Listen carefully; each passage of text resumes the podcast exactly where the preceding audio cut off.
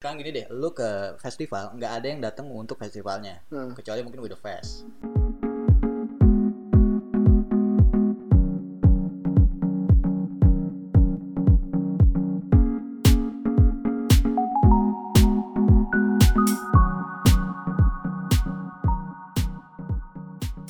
Lo pernah berpikir gak sih gimana rasanya, gimana sedihnya ketika lo tahu konser yang lo idam-idamkan itu dibatalkan secara sepihak oleh promotor. Welcome back to Crescendo.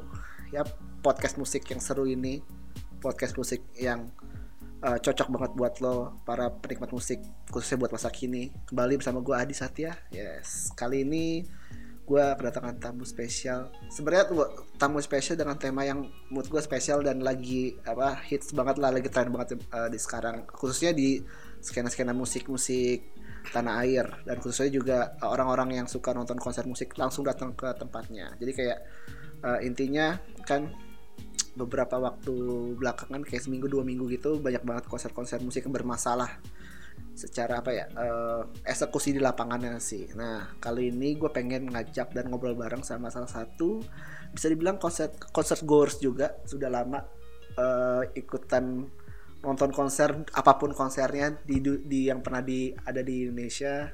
Dan dia juga uh, salah satu wartawan musik yang ya dibilang bisa dibilang sangat berpengalaman. Asik dan memulai karirnya juga uh, di di sebuah festival musik uh, terbesar. Dan waktu itu kalau salah festival musik metal ya Hammer Sonic.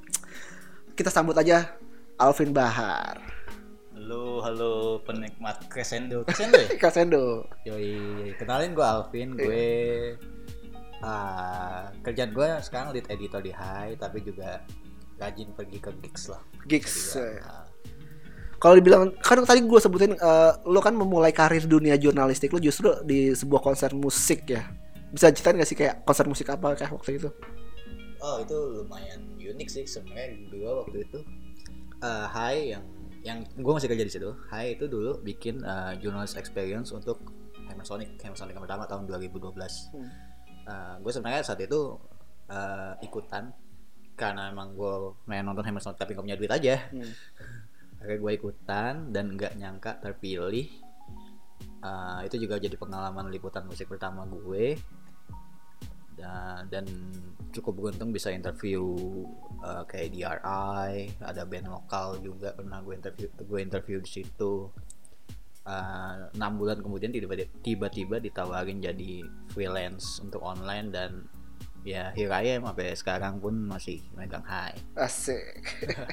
Tapi kalau secara um, uh, produknya Hai itu udah udah ini ya, udah udah masih ada majalahnya atau ma- masih udah mas justru sekarang merambah online aja gitu. Kalau majalah high itu pada 2017 emang kita udah berhenti cetak. Uh, alasan sih bukan karena karena kenapa kenapa karena financial atau apa sih. Karena uh, dari dulu target high itu emang remaja pria. Yang di mana remaja pria sekarang nggak ada yang baca majalah. Jadi ngapain kita bikin? Intinya Hmm. gitu sih.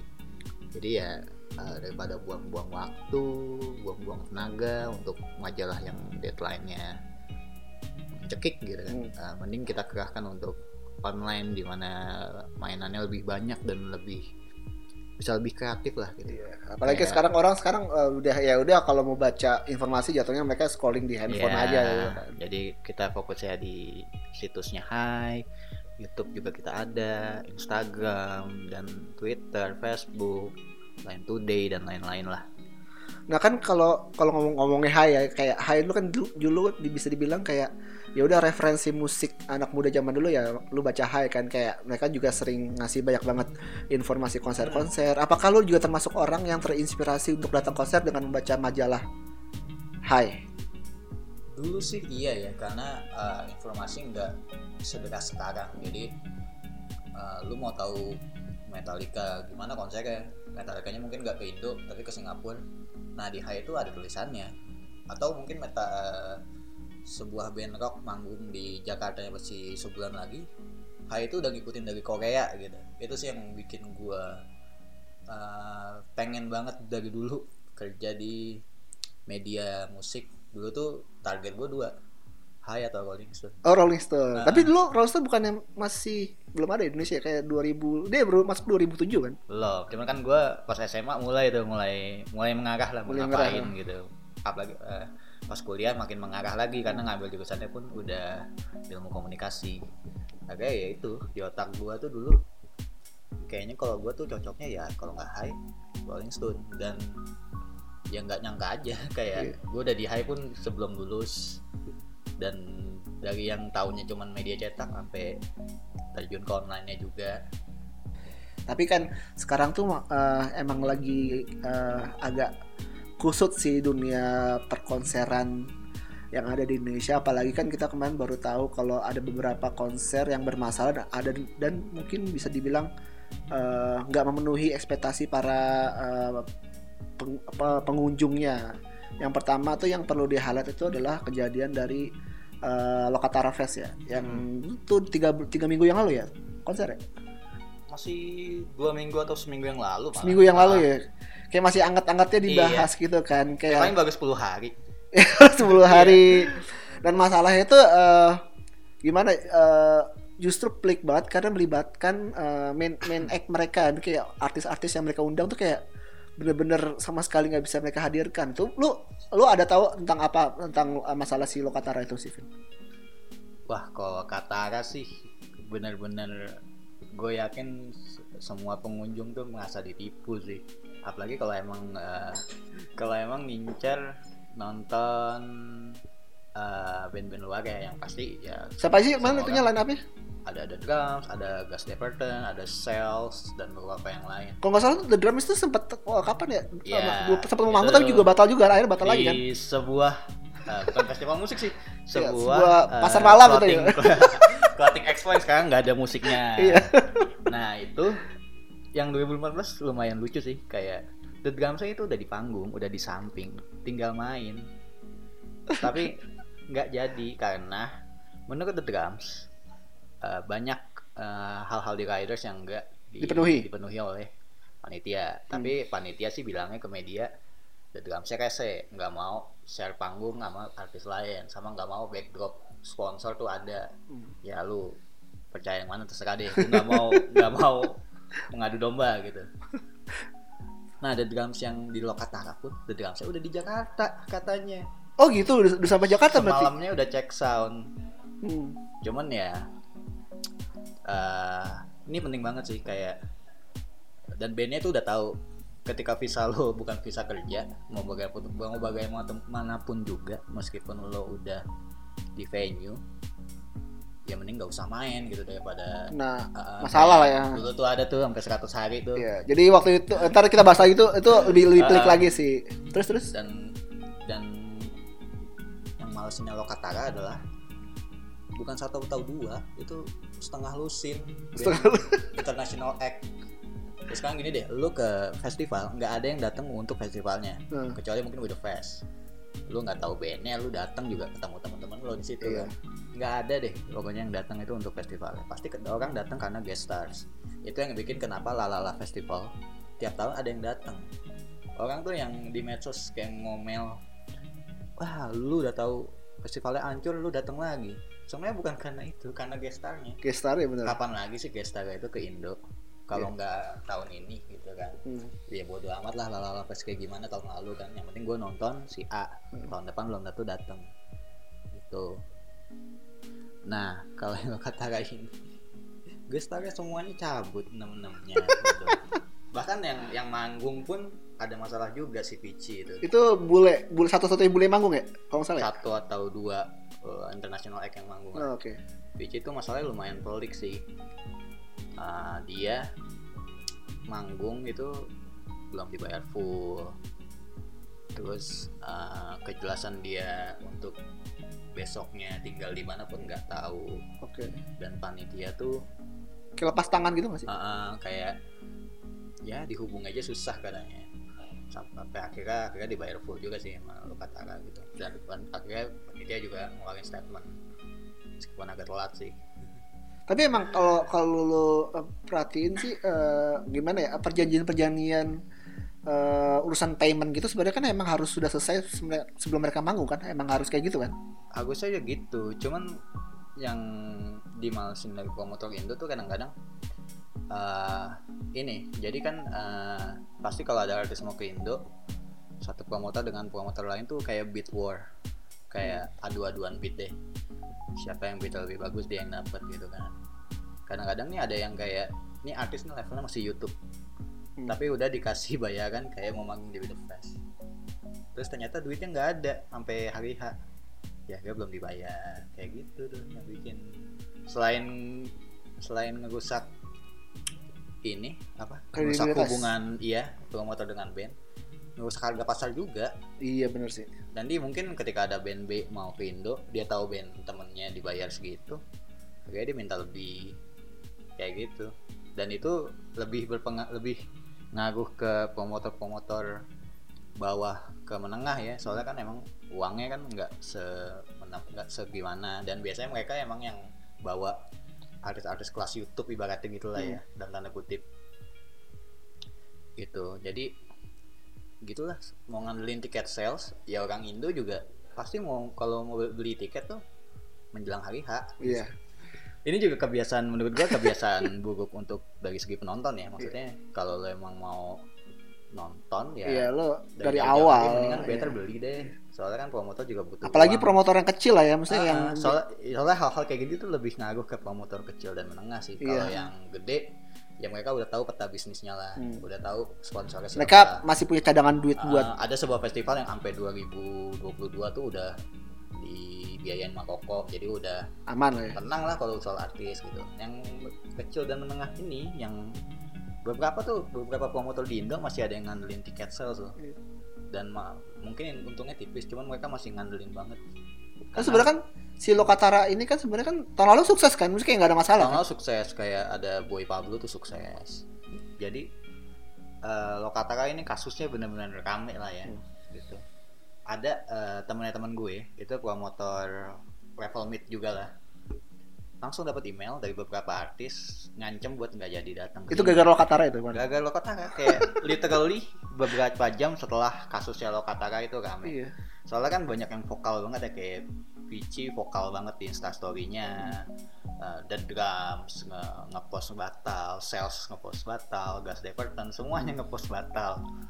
Ya pasti ya semuanya melihat lah gitu. iya Iya intinya yang kalau ada yang gini-gini uh, nggak bukan cuman pen- penonton yang dirugi- dirugikan kok.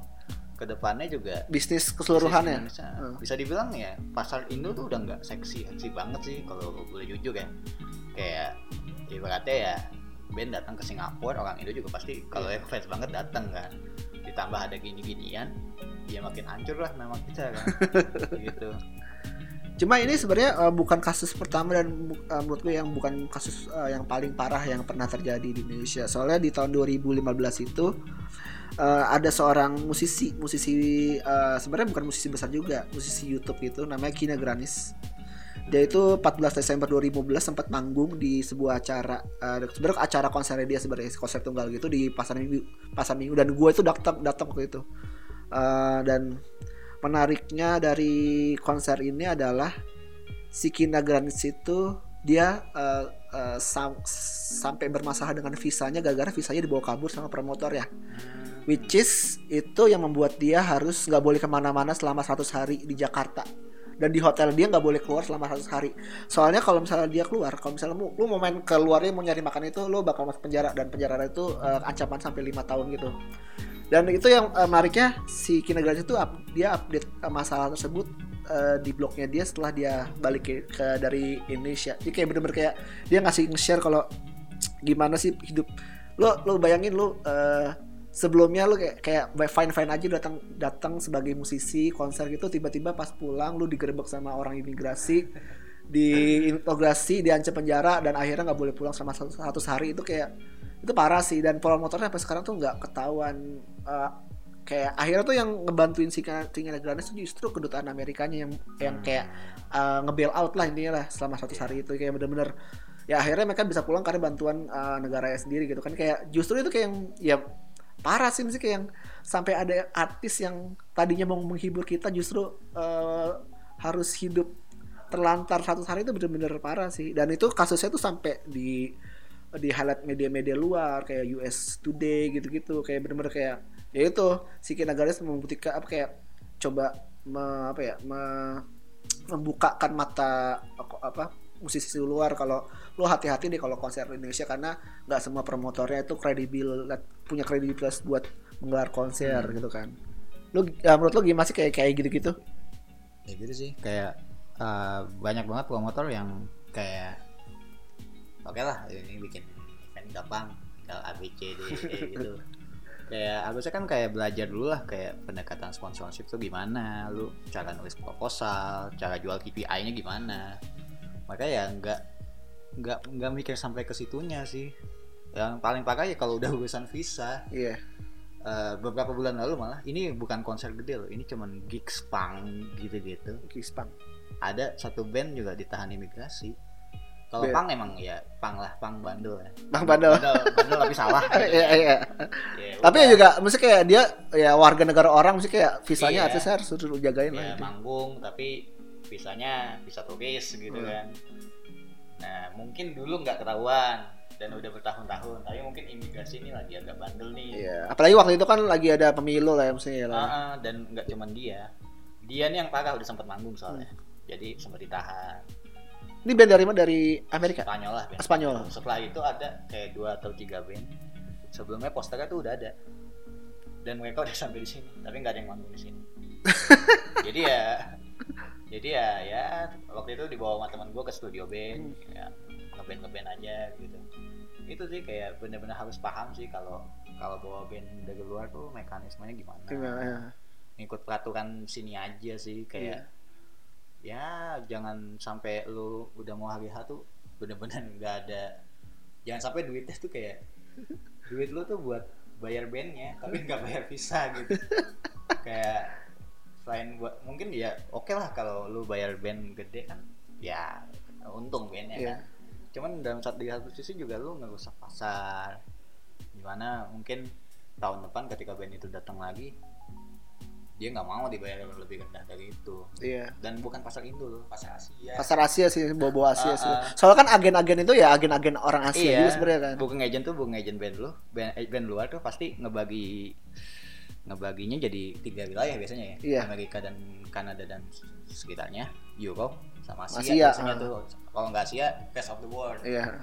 jadi ya ketika lu berani bawa band yang baru rilis satu single tapi rame di YouTube bayar kayak kayak bayar siapa Korn misalnya Ya lu bertanggung jawab Ya. atas muka Asia satu Asia ah. satu benua lah.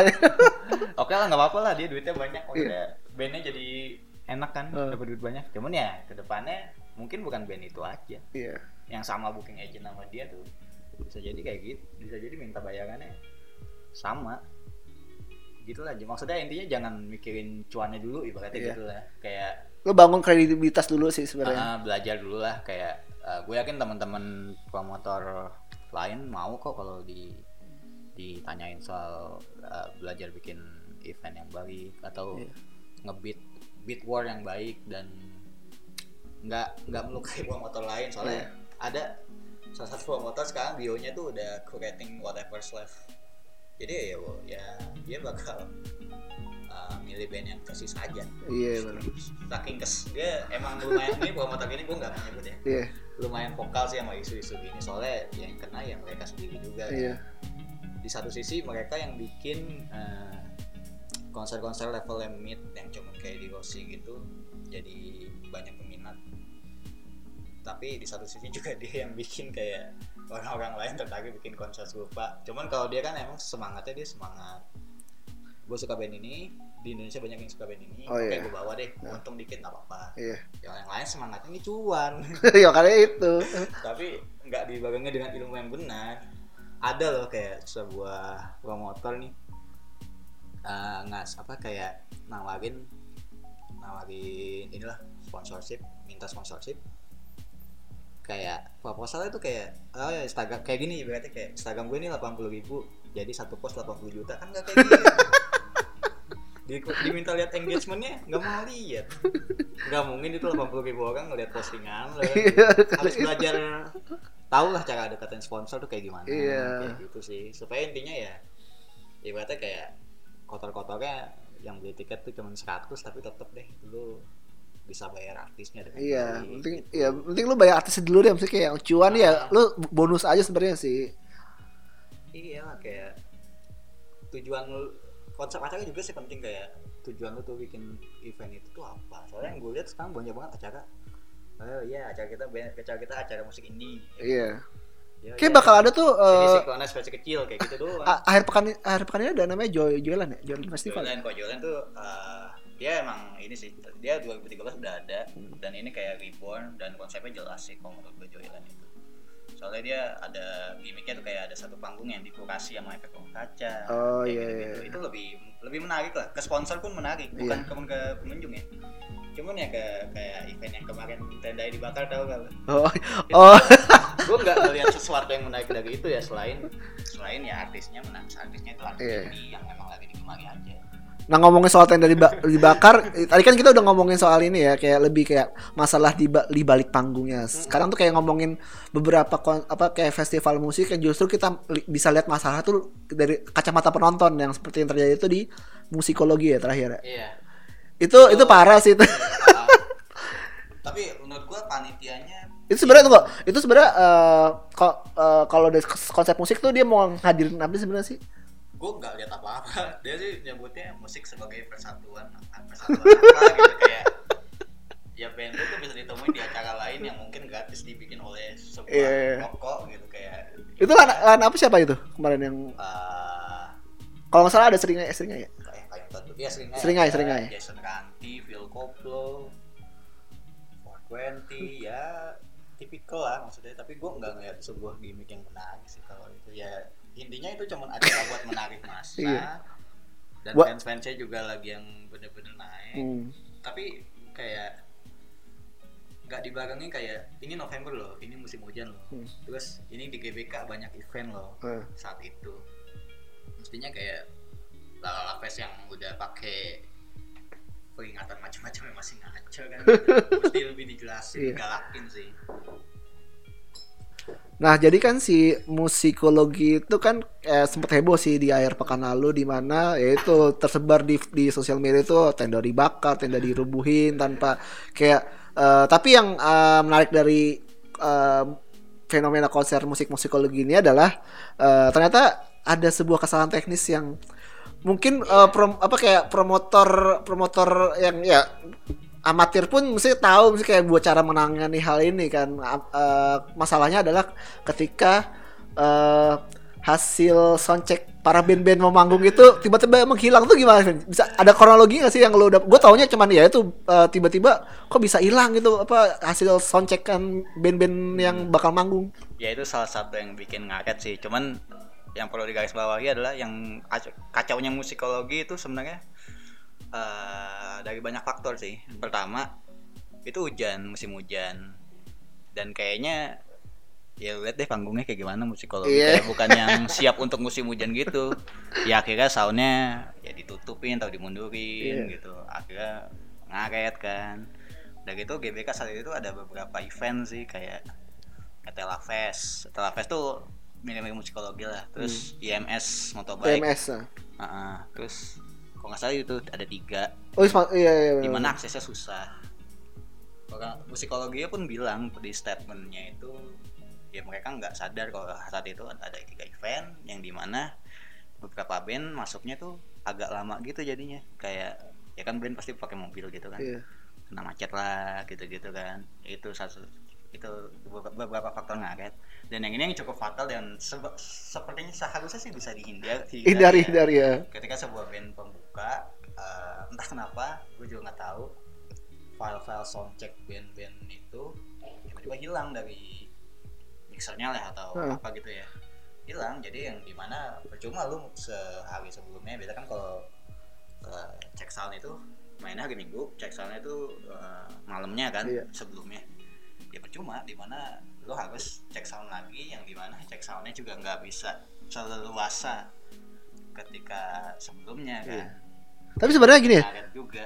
eh yang eh, mungkin eh, banyak orang nggak tahu gimana sih kayak eh, prosedur buat lo cek sound, uh, cek sound itu apakah emang harus ada yang ngejagain tuh file apa gimana sih? Kok tiba-tiba kok bisa ada orang lain megang itu file tiba hilang semua gitu? Nah itu gua tuh be honest gua nggak begitu ngerti. Cuman harusnya kan itu kayak namanya digital itu biasanya udah ada di namanya atau di folder folderin kan. Iya. Yang di mana kalau ngedelete? Gue nggak tahu detailnya gimana. Dan kenapa itu bisa ke delete sih harusnya ya kalau udah profesional ya udah tinggal lu ya lo masukin itu ada file. lo, operatornya gitu satu orang masukin yang file lo ya udah aman. Tapi ini juga yang jadi catatan adalah uh, musikologin kan acara sebuah kampus yang di mana panitianya biasanya tuh dari anak kampus juga.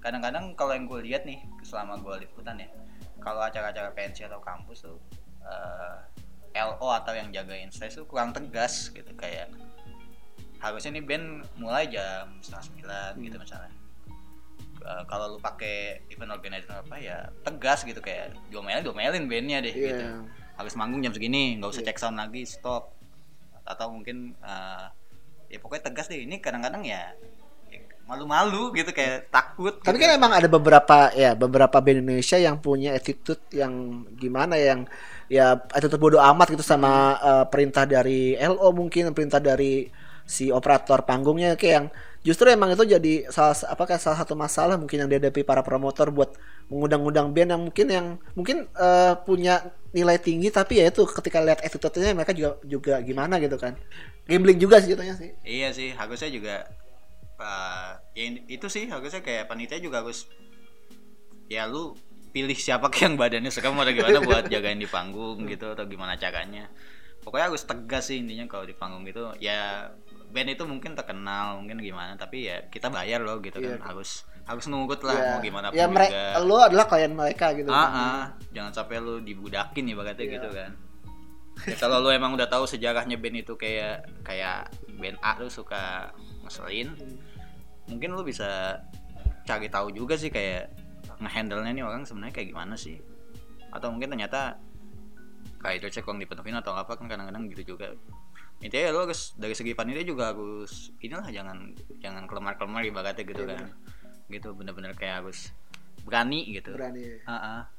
sebenarnya si musikologi ini eh, bukan salah satu acara yang secara teknis amburadul lah jadi kayak gua tuh eh, lu tau lah Lala Fest lah ya. Itu Nah, udah itu. legendaris banget kan dari dia pertama kali bikin 2015 kan 2016 gitu kalau Iya. salah. Gua tuh kayak gua tuh sempet kayak datang dua kali gitu kan yang Yaudah yang pertama mereka tuh ya udah gua gua maklu- maklumi itu ya trial mereka buat bikin konser lah. Itu secara eh, mungkin secara konsep menarik kan ya. Itu apa konsep eh, yang belum ada di Indonesia aja kayak festival musik tapi di hutan gitu kan. Yang hutannya juga milihnya yang yang hutan di Cikole Bandung itu ya udah pasti becek gitu kan Eh, di kons apa kayak festival pertama tuh usaha mereka pertama itu ya eh, ada beberapa masalah yang mungkin eh, harusnya jadi pembelajaran eh, buat di next nextnya. Salah satu yang menarik itu adalah jadi eh, ada salah satu eh, penyanyi nama Jasmine Thompson kalau nggak salah itu. Hmm. jadi itu dia kalau nggak salah manggung itu gue tuh sempet kayak ngejar dari Jakarta dari Jakarta Bandung tuh ngejar buat si Jasmine Thompson. Eh, jadi dia bakal eh, di schedule manggung jam 6 sampai jam 9 tuh belum manggung Ngaret itu emang ngeselin. itu eh, tuh lu tau nggak tuh kenapa? Jadi kalau nggak salah itu kan hujan. Ah eh jadi eh, kayak panggungnya itu kan harusnya terpalnya kayak udah terpalnya bagus bagus kan. Tiba-tiba terpalnya bocor. Itu nimpa mixernya dia semua konser semua. Akhirnya si Yasmin Thompson itu eh, buat dia manggung dia harus pakai eh, mixer baru kan. Hmm. dia harus ngambil ke Bandung dulu ngambil buat Dan itu aksesnya susah sekali. susah banget. Soalnya itu kan macet dua arah kan lu bayangin kan? Kalau tuh dia sempat kayak minjem atau apa gitu tiba ya akhirnya akhirnya ini juga apa manggung juga tapi ya nggak maksimal. Misalnya kayak ada Pasti. beberapa lagu yang harusnya lu mau bawain tapi nggak dibawain. Dan itu gua gua cross check ke artisnya langsung ketika dia datang lagi di 2017-an gua waktu itu eh, ketemu dan uh, wawancara bareng sama si Yasmin Thompson. Dan dia bilang kalau masalahnya itu bukan masalah dia ngaret karena traffic gitu kan lebih ke masalah teknis yaitu mix eh, mixernya itu ketiban air hujan itu parah sih Iya. terus kayak udah itu mungkin ya jadi pembelajaran nah di kesempatan kedua gue datang 2018 terakhir ya Wah, gue kurang 2000 tahu. ya bukan Ah, 2018 itu gue datang lagi tuh ke acara yang sama lah maksudnya dengan ya itu line up-nya kalau nggak salah si Hon Hon sama harusnya ada oh, si lalalanya iya. harusnya ada si ada siapa sih tahun ini deh. Tahun ini ya, tahun ini ya? Tahun ini ya. Yang Har- harusnya gue jalan juga tapi gue nggak. Iya, jadi. jadi kalau nggak salah ada eh, band satu lagi yang battle manggung tuh siapa sih? Aduh. Oh si ini Years and Years. Ah. Itu kan kayak itu jadi salah satu line up yang paling ditungguin lah intinya kayak lu datang lu dat lu datang ke festival uh, hujan-hujan ini ya lu bela-belain buat nonton si ya, Years Years and Years ini kan. Cuman akhirnya batal kayak seminggu sebelum mereka uh, gelar tuh acara. Ya akhirnya cuma cuman Hon doang yang datang sebenarnya yang secara secara value itu gede kan. Tapi uh, uh, yang bikin heran adalah ketika lo apa ya ketika lo artis lo udah satu udah hilang gitu kan lo least lo membenarkan semua fasilitas semua fitur-fitur yang bisa dinikmati para pengunjung. Ternyata itu enggak sih sama dan dan beberapa fasilitas yang mereka eh, apa mereka sediakan kayak misalnya shuttle bus terus kayak treatment penonton ketika ya udah kayak medik kayak gimana gitu-gitu kan kayak tempat at ada tempat neduh terus kayak yang pembagian jas hujan juga nggak merata menurut gue. Kayak bener-bener akhirnya tuh gue kayak bener-bener itu eh, festivalnya sangat melelahkan karena gue harus jalan kaki. Gue berharap ada shuttle bus tapi shuttle busnya itu nggak berguna karena macet. Itu jalanan dari kayak eh, sepanjang to- to- apa tangkupan perahu itu macet kayak hampir 7 kilo 8 kilo dan itu kayak bener-bener stuck sih. Misalnya kayak mereka nggak memikirkan secara transport gitu. Misalnya ya udah lu bikin ko- konser musik di hutan di gunung tapi ya cara transport dipikirkan dan cara traffic juga harus dipikirkan. Dan itu sempat kayak beberapa kayak macet gue hampir ter- stuck tuh gue naik gue harus jalan kaki eh, kayak 3 kilo dan tulur juga 3 kilo gitu kayak ke, tempat- ke tempat parkir. Ya karena shuttle busnya nggak yang mereka janjikan tuh kayak gak ya gak guna gitu kan. Dan beberapa artis juga mengeluhkan hal sama kayak si Hon itu. Gue masih inget jadi pas pas gue pulang gue jadi mobil shuttle gue bus gue di belakang Hon kayak macet gitu kan. Gue turun si Honnya kayak kayak keluar juga gitu. Dia pengen, dia pengen jalan kaki juga misalnya buat mau lihat ke depan tapi nggak nggak dibolehin. Kayak bener-bener kayak sampai artis itu merasakan efek dari dari dari kemacetan yang gak berfaedah itu. Maksudnya kayak akhirnya ya itu jadi kayak bulan-bulanan masa gitu lah. Misalnya kayak Lala Fest tuh ya udah jadi kayak festival fail eh, legendaris di Indonesia ya mereka gitu kan yang harusnya jadi pembelajaran dari promotor-promotor juga sih. Menurut lo gimana sih La La La Land tuh eh menurut gua konsep itu bagus banget jauh dari pusat kota terus em, menawarkan sesuatu yang mungkin nggak lo dapetin di eh, festival atau konser lainnya. Cuman gue ngeliatnya dia kayak nggak belajar dari tahun ke tahun sih. Di mana lokasi lo sebenarnya di sana kan. Iya dan itu nggak berubah. nggak berubah gitu kayak lo harusnya belajar dong kayak eh, misalnya di tahun lalu masalahnya A tahun selanjutnya jangan sampai A jadi masalah lagi. Eh, gitu kayak lebih banyak pemberitahuan soal event ini lokasinya di sini Iya. terus di sini tanahnya begini kemungkinan hujannya segini berapa persen baik dari panggung dan peng- pengetahuan ke penonton juga dikasih tahu di Jepang tuh ada Fuji Rock dan lain-lain dari tahun ke tahun tuh nggak ada oke oke aja nggak ada kok. komplain lah Nah, maksudnya. malah itu itu Gunung Fuji loh itu lu cuma sampai Gunung Tangkuban Perahu doang iya yang di mana lu bahkan nginep di situ nginep di Fujinya gitu. Dan itu nggak pernah ada gue nggak pernah dengar ya ada komentar Fuji Rock tuh kenapa gitu. Kalau Lalala ini kayak setiap tahun. Cuman eh, dan masalah Lalala tuh pasti dieksekusi hari H. Nggak pernah ada masalah kayak sebelumnya tiket kenapa atau Iya, post iya. event kenapa pasti eks- eksekusi hari H. Dan mereka kayak nggak belajar gitu. Dan konsep mereka tuh sebenarnya udah kayak harusnya mereka tahun depan misalnya mau bikin lagi bikin konsep baru sih kayak kalau di situ lagi lu stuck gitu. Gitu. Tapi untungnya sih untungnya sih kalau gue nggak tahu sih kalau di Indo tuh ya penonton pasti eh, nungguin light up ya, Line up sih bener bener bener. lalala lalala kenapa bisa bertahan? Ya karena tiap tahun mereka bisa ngehadirin line up yang penonton mau nonton kan. Iya bener bener. ya penonton sih pasti kan gue punya duit eh, band ini manggung band favorit gue manggung di Lalala Hmm. ya kapan lagi belum tentu tahun depan dia datang lagi kan yang dilihat tuh bukan intinya kalau kalau ini ya kalau acara biasanya kalau acara ada line up eh, internasionalnya biasanya nggak dilihat lah acaranya tuh yang Hmm. dilihat line upnya gitu Hmm. kayak lu nggak lu nonton ini nggak nggak pernah lu nonton eh, festival A nggak ya Iya. gitu Iya. Jadi berarti kalau Indo enaknya short term memory loss sih. Cuman kadang-kadang mungkin eh, penonton Indo juga harus sadar ketika ke konser sih maksudnya. Eh, lalala ini bukan with the fest gitu. Iya. jangan pakai heels. Iya, jangan pakai stickers Adidas. Gue gue eh, tuh parah sih kayak beberapa gue liat kayak pakai ada, apa Hmm. stiker-stiker yang mewah-mewah gitu kayak buat apa lu?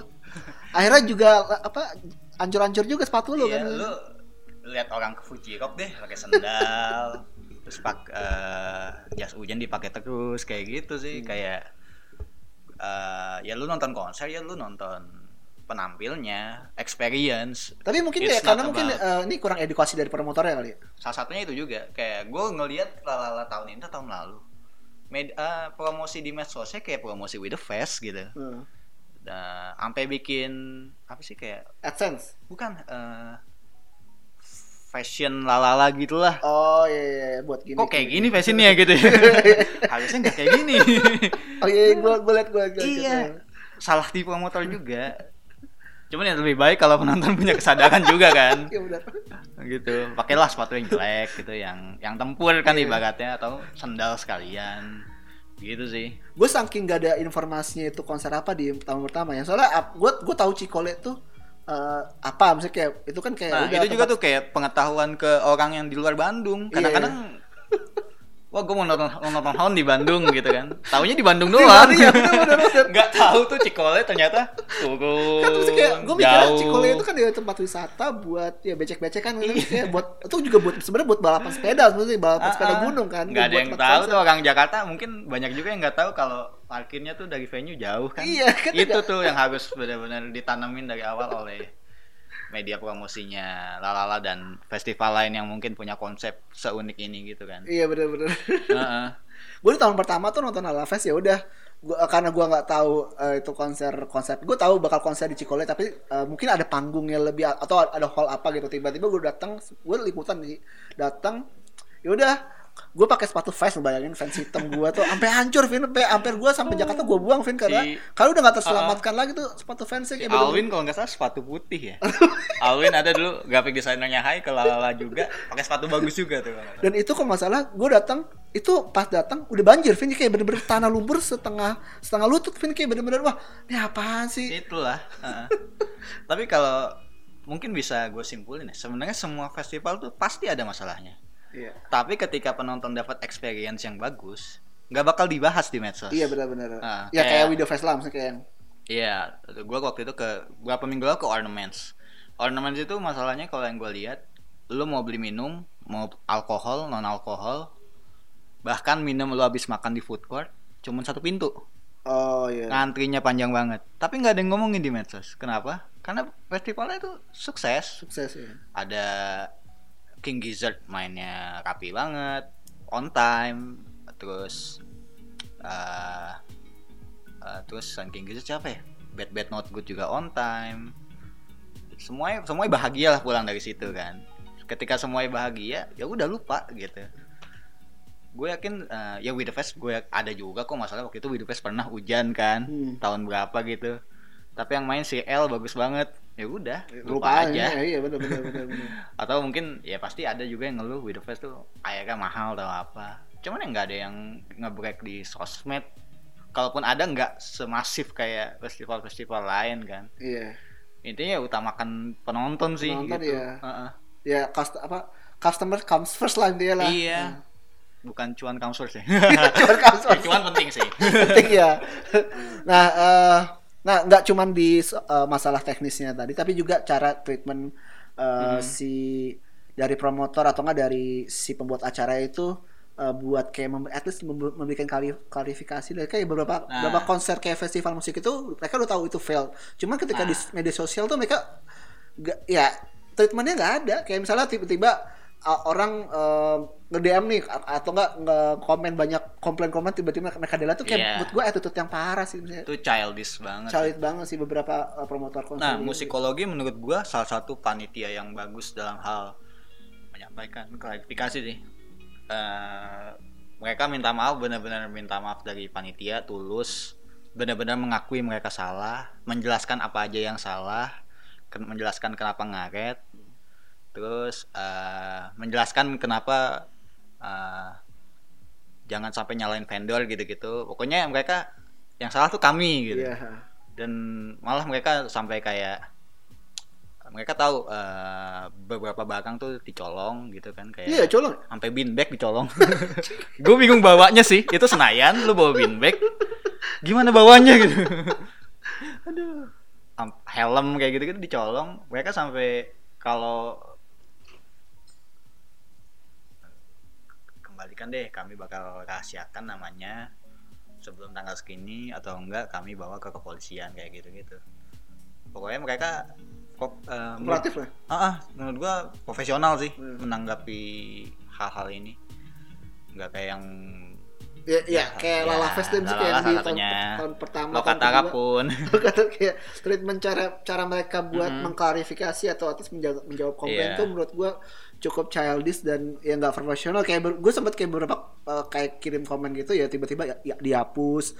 Dan Ah. ada juga yang nggak dibahas sama sekali. Padahal itu penting kayak uh, mungkin menyangkut uh, apa ya keselamatan mereka yang ya itu. Ujung-ujungnya semua kembali ke uh, justru kembali ke fansnya gitu kayak fansnya ya ngamuk lah kan kayak nggak nggak heran kalau mereka ngamuk gitu kan paling males sih sebenarnya ini eh, acara ini ngaco tapi eh, kayak ngepost seakan nggak terjadi apa-apa Iya, gitu bener-bener itu- itu sih ya. paling Lo katanya itu menyebalkan.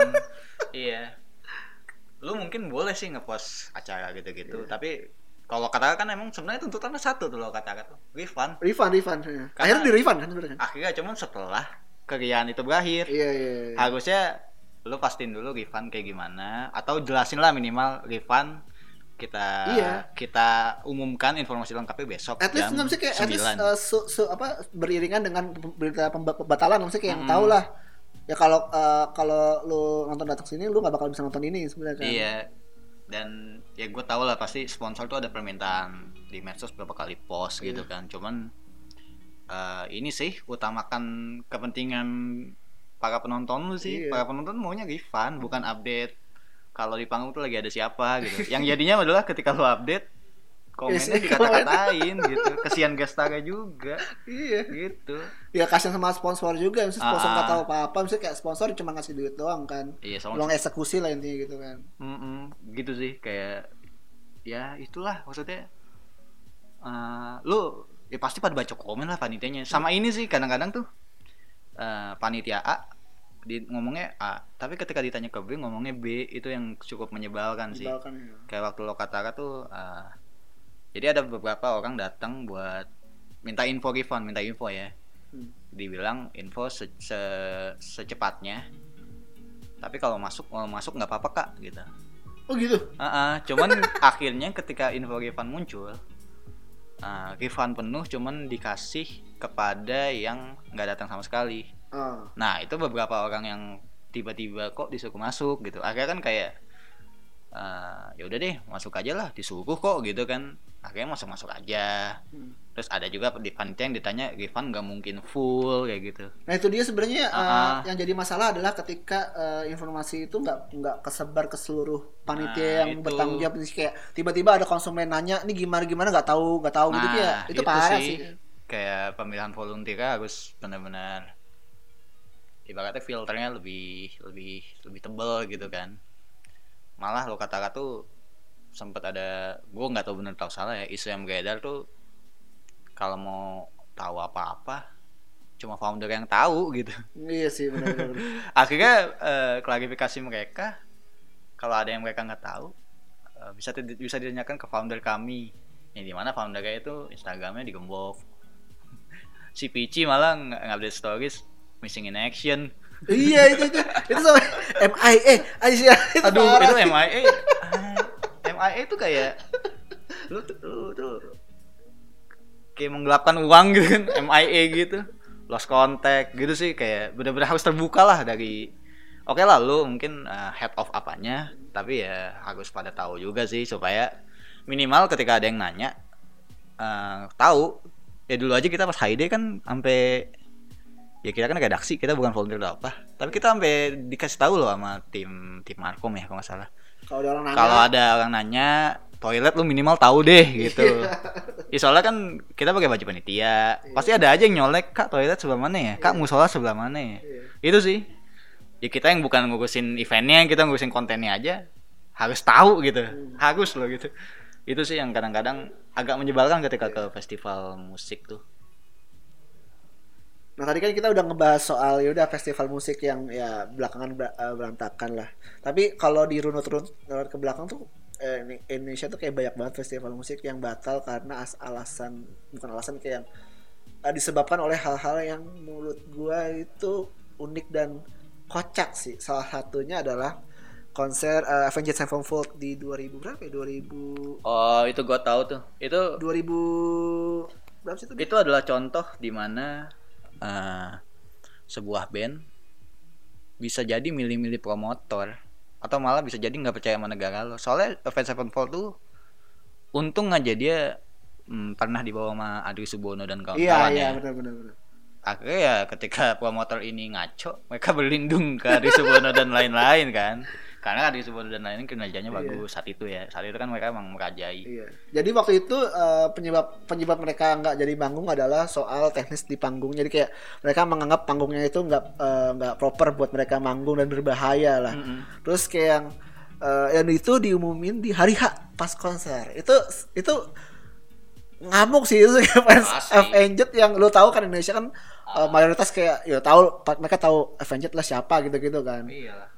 Terus ya akhirnya eh, ba- batal dan eh, penyelenggaraannya eh apa si promotornya akhirnya dipolisikan karena kasus penipuan. Nah, Hmm. terus eh, yang menarik adalah ketika jadi ya tadi, lu bilang jadi si nggak cuma promotor yang berlindung ke si Adri Subono ternyata si Avenged-nya yang juga justru minta tolong Adri Subono buat mengurusi kepulangan mereka. Jadi waktu itu gua salah gue sempat dengar dari Om Adri sendiri eh, si Avenged kan eh, kalau nggak salah sore sore mereka batal mereka harus cabut paginya kan.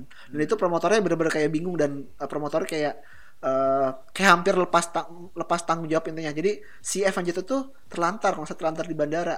Akhirnya kalau nggak salah satu krunya itu nelpon si Melani Melani Subono langsung datang datang ke Melani Subono tahu kalau konsernya batal dan itu menjadi masalah tahu. Akhirnya dia datang ke ke bandara buat mengurusi kepulangan si Avenged-nya kayak bener-bener si Avenged itu sampai minta tolong sama si Iya. Adi Subono buat ya bantuin gua gitu sebagai teman lo yang walaupun gua nggak lagi nggak ada ikatan bisnis tapi ya, itu misalnya yang bisa dibantu gitu kan Dan untungnya Om Adri dan kawan-kawannya mau ya mau ngebantuin. eh. Kalau enggak ya Avenged Sevenfold mungkin nggak konser lagi tuh kan setelah itu dia Itu ada konser konser, lagi, di Indo eh, kan. yang di- mungkin ya di- nggak jadi karena iya. pengalaman di Indonya tuh buruk. iya iya Nah mungkin pada era itu adalah promotor tuh nggak sebanyak sekarang ya, iya. Yang di mana eh ya bisa saling membantu lah karena mungkin satu dengan yang lain kenal.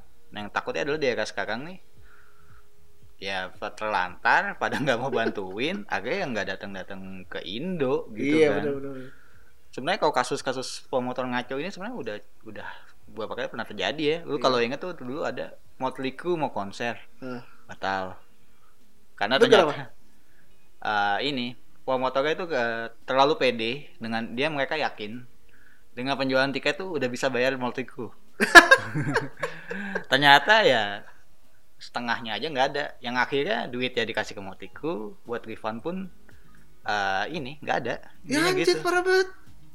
Sempat kasus deh kayak katanya itu di- kayak kayak kasusnya first travel ya?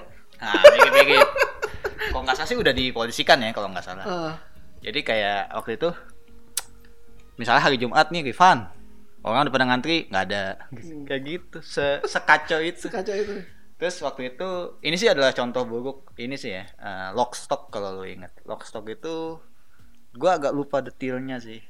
Itu pokoknya musik lokal tuh? festivalnya itu gagal tapi gara-gara bully di sosmed itu eh, head atau apanya atau foundernya itu bunuh diri.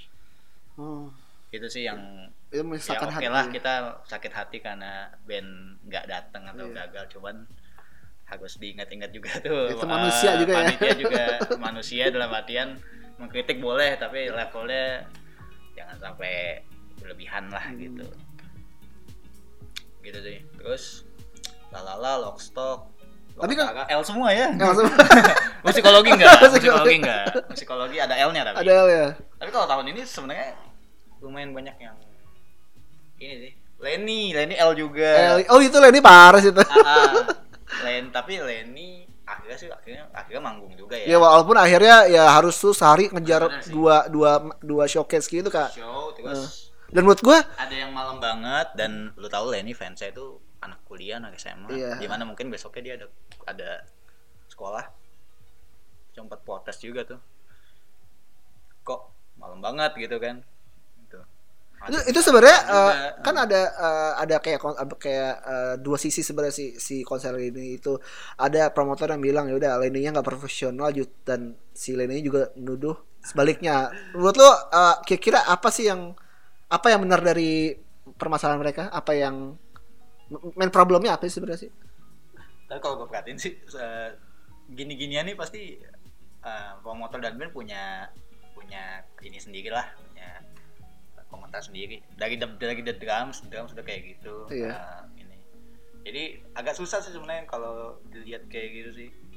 Jadi apa yang lu percaya aja sih. Iya apa yang lo percaya soalnya gue gue takut juga nih gue bilang yang salah atau band Iya. yang salah nggak berani juga Tapi gini loh, kayak- gitu kan. kayak misalnya ya udah uh, ya uh, kayak gue nih misalnya gue nonton nonton konser apa sih artis yang gue suka kayak Taylor Swift gitu kan. Apa pun alasannya kalau Taylor Swift batal ya udah gue salah gue pasti nyalain promotor ya ujung-ujung gitu kan. Tanpa ya udah karena karena gue udah membayar kewajiban tapi gue nggak dapet hak gue gitu intinya gitu basically gitu aja sebenarnya sih dan itu sebenarnya harus diminimalisir nggak Iya. cuma dari nggak cuma dari promotor tapi juga artis yang manggung dan sebenarnya itu emang kayak lu harus sebagai promotor udah harus siap kayak gitu gituan sih Iya. wajar kalau penonton marah dan marahinnya lo Iya. gitu kan Seba- lo sebagai sebagai yang punya rumah ibaratnya Iya. harus harus siap dengan Iya. gitu gituan sih Tapi lu ada gak sih kayak pernah punya konser yang benar-benar dibatal dibatal dan dibatalkan dan lu nyesek banget? ya The Drums itu. Drums. yang 2014 soalnya gue masih inget banget itu The Drums itu Desember 2014 dan sehari sebelumnya itu gue ada deadline majalah gitulah Hmm.